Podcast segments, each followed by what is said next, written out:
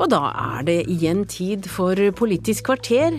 EU er korrupt og udemokratisk, det sier Ketil Widsvang, forfatter av ny bok om EU. Og det er tema hos deg, Line Tomter. Ja, vi skal snakke om EUs elendighet i dagens sending. På dagen 40 år etter at Norge sa nei til det europeiske fellesskap. Og hvordan skal vi unngå at syke flygeledere skaper nytt flykaos, spør vi samferdselsministeren.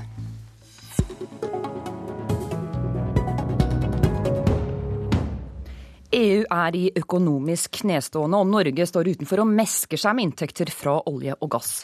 Europa har gått i vranglås, skriver du Kjetil Widsvang i boken 'Europaveien', som kommer ut i dag. Hvordan vil du beskrive situasjonen i EU i dag? Akkurat nå er den jo, ser jo veldig mørk ut, mørk ut. Du har eh, den økonomiske krisen som ikke er løst i det hele tatt. Og så sliter de med mange av de problemene de har hatt hele tiden. Altså Det er et elitistisk system, et udemokratisk system og et korrupt system. Dette høres ikke bra ut, Raymond Johansen, partisekretær i Arbeiderpartiet og en erklært EU-tilhenger. Hvordan står det til med din europaentusiasme nå om dagen? For det første vil jeg jo si at det å søke medlemskap i EU, det er jo ikke en aktuell, eh, ikke en aktuell problemstilling i Norge. Samtidig så vil jeg jo si det, og jeg er for så vidt enig i Kjetils beskrivelse av EU og mye av det som plager den, men jeg tror ikke vi skal glemme det at hvordan EU vokste fram som et freds- og solidaritetsprosjekt etter annen verdenskrig, og også hvordan EU hvordan de også tvinger på en måte nye potensielle medlemsland til å velge en mer demokratisk retning. Se på Serbia nå, f.eks. Og se også hvordan EU eh, e sanksjonerer ekstremisme, som vi ser mot eh, Hellas, Ny Dagry, hvordan de oppfører seg i forhold til innvandrere. Eh, det samme kan vi si i Ungarn, og her har EU en viktig oppgave å holde myndighetene i øra på å påpeke urett. Så det, det, er, det, det er positive ting. og selvfølgelig fravær av krig. At man sitter rundt disse håpløse forhandlingsbordene Eh, og prøver å finne løsninger, eh, all byråkrati, all håpløshet. Men fravær av krig, som jo også er en viktig del av Europas historie, er jo også noe positivt ved at man prøver å finne alle løsningene oppi all galskapen. Men tror du nå at Norge noensinne vil bli medlemmer i EU? Nei, du, Det veit jeg ikke. Eh, I det hele tatt Skulle man bare for få år siden forutse denne krisa, den globale krisa som nå skyller innover EU, så eh, det forutså man ikke. Eh, Norge lever et veldig godt liv med en EØS-avtale utenfor, utenfor, EU, hvor vi på mange måter er med, men vi er ikke medlemmer. Widsvang, du er fremdeles europaoptimist. Hvordan forklarer du det? Jeg tror EU kommer til å komme over denne krisen av flere grunner. En av dem er at de har gjort det stort sett alle ganger før gjennom mer enn 50 år. At når har, de har hatt store problemer, har møtt kriser, har bestandig vendt i siste, siste øyeblikk, men så har det skjedd. Det er all grunn til å tro at det vil skje igjen. For selv om dette handler om mer enn euroen, det handler om en konkurranse med de store landene som vokser i eh, Asia og Latin-Amerika, så har Europa noen veldig gode forutsetninger. Du har høyere, de Landene med høyest produktivitet i verden ligger her. Demokratier vokser øh, sterkere økonomisk, 1,5 prosent, enn en diktaturer. Og ja, man har erfaring med det, så jeg tror det kommer til å ta seg opp. Men det er 75% av befolkningen som nå sier nei til EU. Og NUPI-sjefen han uttalte nå før helgen at eh, Jonas Gahr Støre har gjort lite eller ingenting for å bedre forholdet til Europa. Hvor enig er du i den beskrivelsen, Raymond Johansen? Så for det første er det viktig å si at uh, Soria Moria 1 Soria Moria 2 er veldig klare på at vi, uh, vår tilknytning til Europa, styres gjennom EØS-avtalen, og at det ikke er aktuelt å søke medlemskap i EU.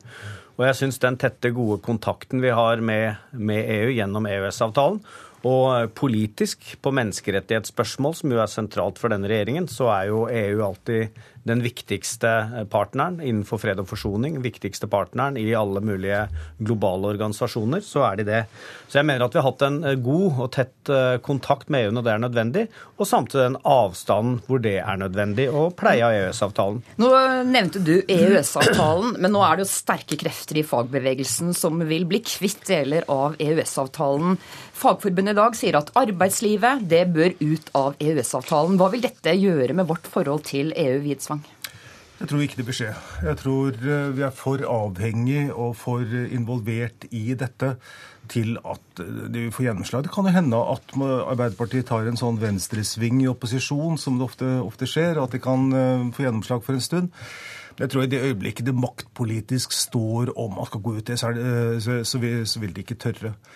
Men om vårt forhold ellers Det er da interessant da, at vi nå har fått en utenriksminister som i sin ungdom var med en sånn liten føderalistisk Altså de som virkelig har integrasjon i Europa i studiedagene. Det var enda særere enn å være ML-er, tror jeg. Raymond Johansen, hva er din respons til denne store motstanden som nå vokser i deler av fagbevegelsen? Ja, For det første vil jeg si at vi tåler en EØS-avtalediskusjon. Vi tåler en EØS-diskusjon. Vi har hatt en avtale som har regulert forholdet med Europa på en god måte fra 94. Jeg mener at EØS-avtalen har vært god. Den har skapa forutsigbarhet for næringslivet, vært viktig for norske arbeidsplasser. Så det tåler vi. Og jeg vil samtidig si at den diskusjonen om å ta arbeidsrettsdelen ut av EØS-avtalen eh, kan jo føre til at man da får reforhandla hele EØS-avtalen. Og det vil jeg nok advare mot. Styrkeforholdet nå er jo 28 medlemsland mot 3. Så når vi hadde EØS-avtalen i sin tid, så var styrkeforholdet annerledes. Så jeg er usikker på om utgangen av en reforhandling av EØS-avtalen vil gagne norske interesser, norske arbeidsplasser. Men en diskusjon rundt direktivene, det tåler vi.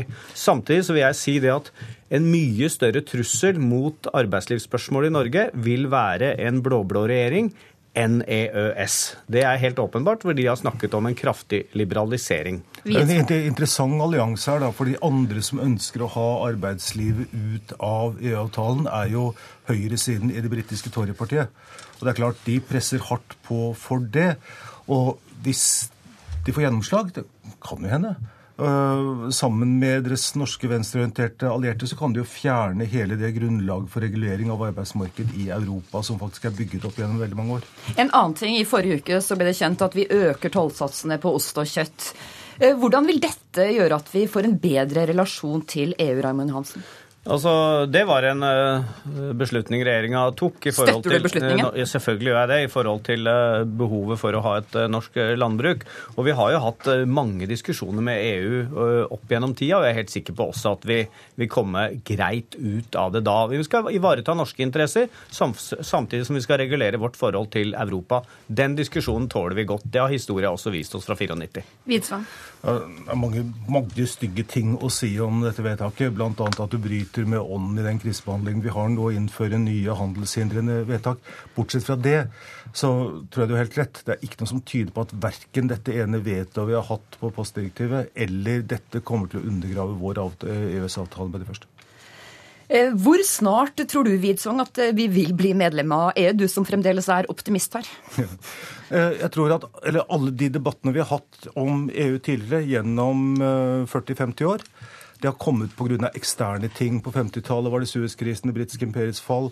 På 60-tallet eh, var det de Gaulle og 68-opprøret. Så var det murens fall. Det har vært de ytre begivenheter som har styrt disse tingene.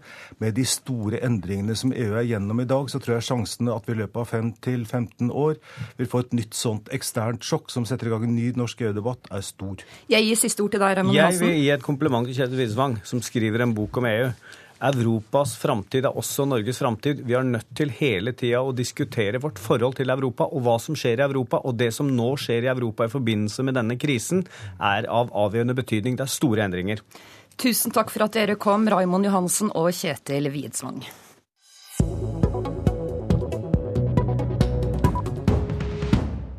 Konflikter mellom Avinor og flygelederne skal ha bidratt til sommerens store forsinkelser i luftfarten. Samferdselsminister Marit Arnstad fra Senterpartiet, hvilken tiltak vil du gjennomføre for å forhindre nytt flykaos som vi hadde i sommer? Jeg tror at det er flere tiltak som må vurderes. Det ene er jo at regjeringa i løpet av eh, neste vår skal legge frem en eiermelding om Avinor. Da syns jeg det er naturlig at du ser på organiseringa av flysikringsdivisjonen i Avinor.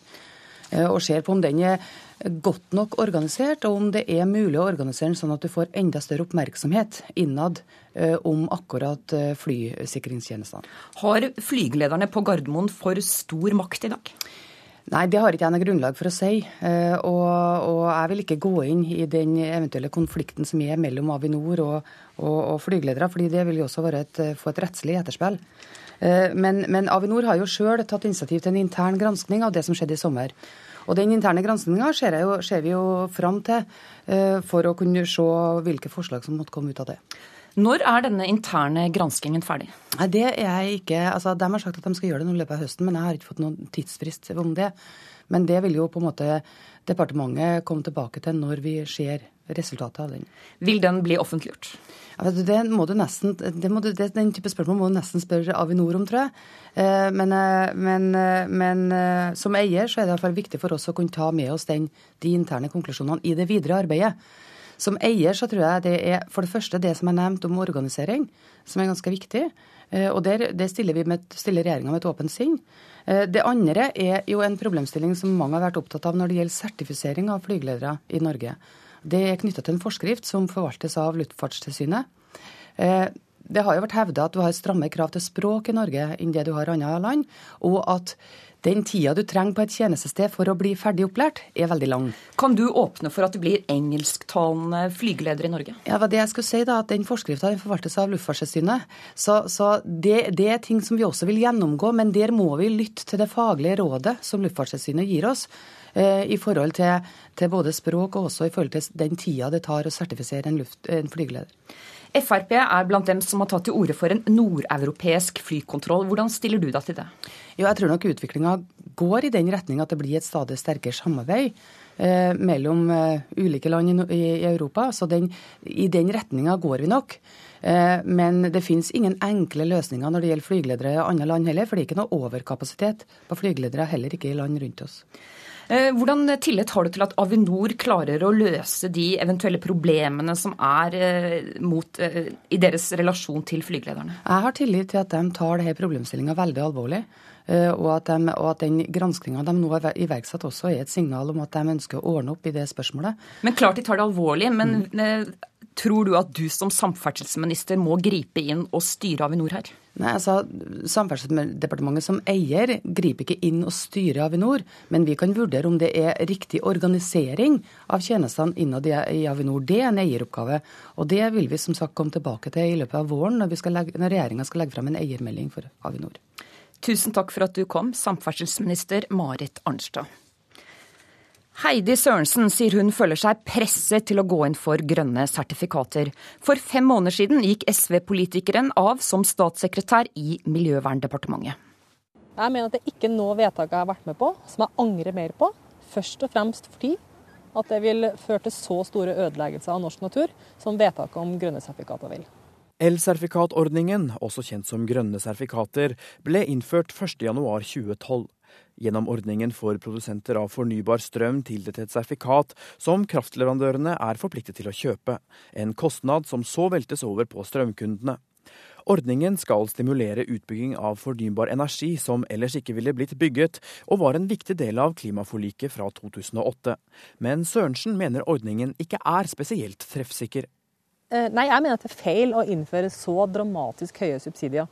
Jeg mener det har vært bedre at man hadde hjulpet fram de fornuftige fornybare prosjektene ved å ha en gjennomgang. Sånn som situasjonen er i dag, så er det jo absolutt all vannkraftutbygging, absolutt all vindkraft får denne subsidien. Uansett om det er lønnsomt eller ei? Uansett om det er lønnsomt eller ikke. Det betyr jo at mesteparten av de vannkraftutbyggingene som får denne subsidien, er jo lønnsomt fra før. Systemet med grønne sertifikater har bred støtte i miljøbevegelsen, men har også blitt sterkt kritisert av flere fagmiljøer, bl.a. forskere i Statistisk sentralbyrå. En sentral del av kritikken går på at forbrukerne ender opp med å subsidiere kraftbransjen mer enn miljøet. Og Eier du et vannkraftverk, så eier du nærmest en seddelpresse. Og nå skal du også i tillegg få en subsidie for å bygge den. Det syns jeg er i overkant, og det er feil at vi skal bruke samfunnets ressurser på. Og sette det i retning av jeg mener oversubsidiering av noe som vi da strengt tatt ikke til. Det sa SV-politiker Heidi Sørensen.